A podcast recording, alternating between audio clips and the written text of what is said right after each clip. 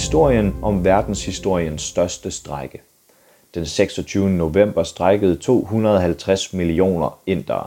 Dermed blev verden vidne til den største strække i menneskehedens historie. De strækkende krævede en tilbagerulning af ny neoliberal lovgivning om privatisering, vedtaget af Indiens højre radikale BJP-regering.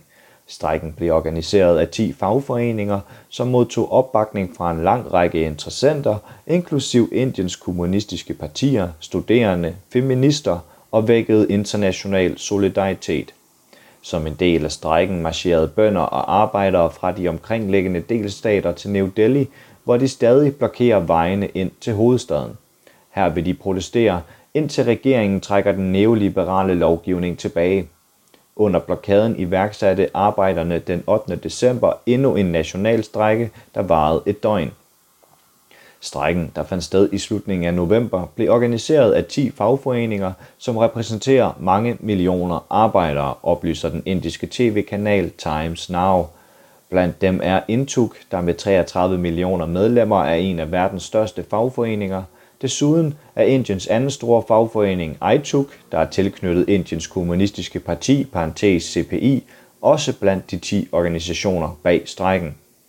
Arbejderne i de 10 fagforeninger strækkede mod neoliberal lovgivning vedtaget af Indiens højre radikale regering, som ledes af Narendra Modi. Regeringen har påbegyndt en lang række privatiseringsprojekter midt under covid-19-pandemien, der i forvejen har gjort livet vanskeligt for de indiske arbejdere. Ifølge dataudbyderen Statista er over 90 millioner indere i øjeblikket arbejdsløse. Især unge arbejdere i byggebranchen og landbrugssektoren er hårdt ramt. Midt i den krise har regeringen så påbegyndt en vidtrækkende privatisering af de offentlige og finansielle sektorer, inklusiv den indiske jernbane, havne, banker og fabrikker. Regeringen mener, at privatiseringen vil fremme investeringer i de forskellige sektorer og gavne arbejderne og det indiske samfund. Men mange arbejdere frygter, at privatiseringen vil føre til lavere løn, dårligere arbejdsforhold og yderligere arbejdsløshed. Desuden har Indiens regering påbegyndt privatisering af landbrugssektoren, hvis varer normalt bliver købt til en fast pris af staten. Bønderne ser reformerne som et tegn på, at Modi helt vil fjerne prisgarantien på landbrugsvarer og lade handlen styres af private firmaer. Ifølge fagbladet 3F kritiserer Indiens fagforeninger også regeringen for ved lov at gøre det vanskeligere for indiske arbejdere at organisere sig i fagforeninger. Indien var vidne til verdens største organiserede strække i menneskelig historie, skrev People's Dispatch, efter at 250 millioner indere iværksatte strækken mod den nye lovgivning og forbedrede vilkår for arbejderne. Strækken og protesterne samlede bønder, tjenestefolk, kurere, gadesælgere, bygningsarbejdere, arbejdere i tobakindustrien, lastbil, taxaer, buschauffører og mange flere fra både landdistrikter og storbyerne.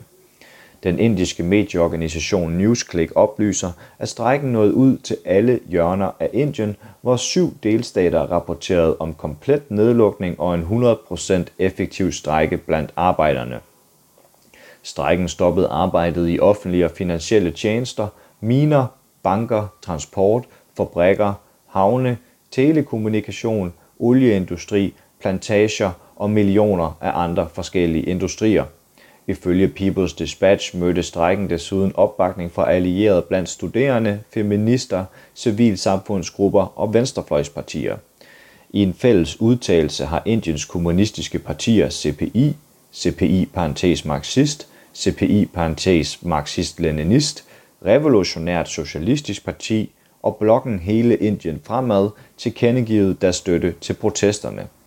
De strækkende har fremsat krav om stop for privatisering – for pension til alle arbejdere, for månedlig levering af 10 kg korn til madlavning og for en betaling på omkring 750 kroner til de dårligt stillede.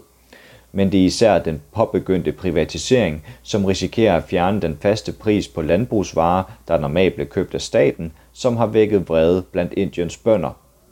Imens strækken lukkede Indien ned, marcherede tusindvis af bønder fra Indiens konlærer, Punjab og Haryana til New Delhi for især at protestere mod landbrugsreformerne.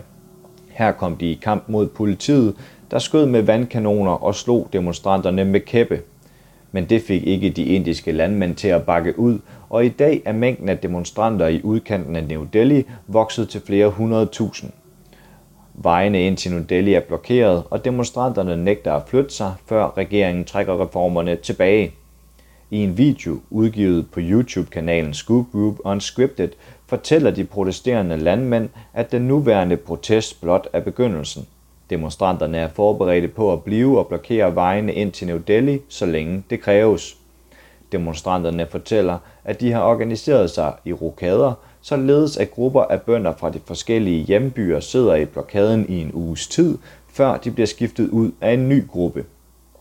I blokaden er der blevet etableret folkekøkkener, hvorfra der serveres gratis mad, og folk sover i transportmidler som traktorer og lastbiler eller på gaden. Der er protester mod landbrugslovene i alle stater, fortæller lederen af det kommunistiske parti CPI Marxist, Hanan Mollah, til Al Jazeera. De massive folkelige protester nyder opbakning fra Storbritannien, hvor der bor omkring 1,4 millioner indbyggere med indisk baggrund. I solidaritet blokerede tusindvis af demonstranter Londons gader, oplyser Reuters.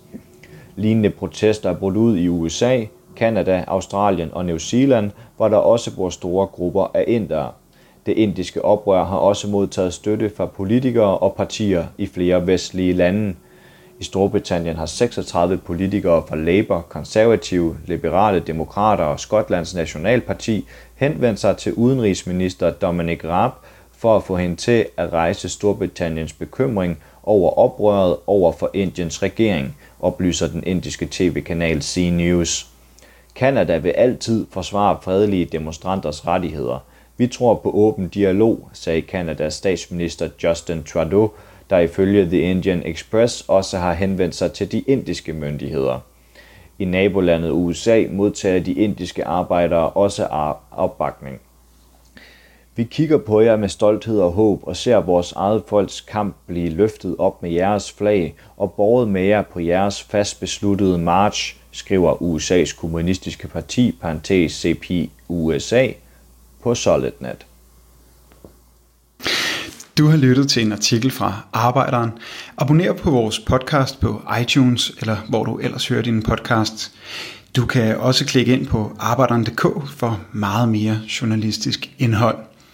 Du er også velkommen til at følge Arbejderen på YouTube, Facebook, Instagram eller Twitter, samt tilmelde dig Arbejderens daglige opdatering på Messenger. Vil du i kontakt med redaktionen, kan det ske ved at sende en mail til redaktion Tak fordi du lyttede med.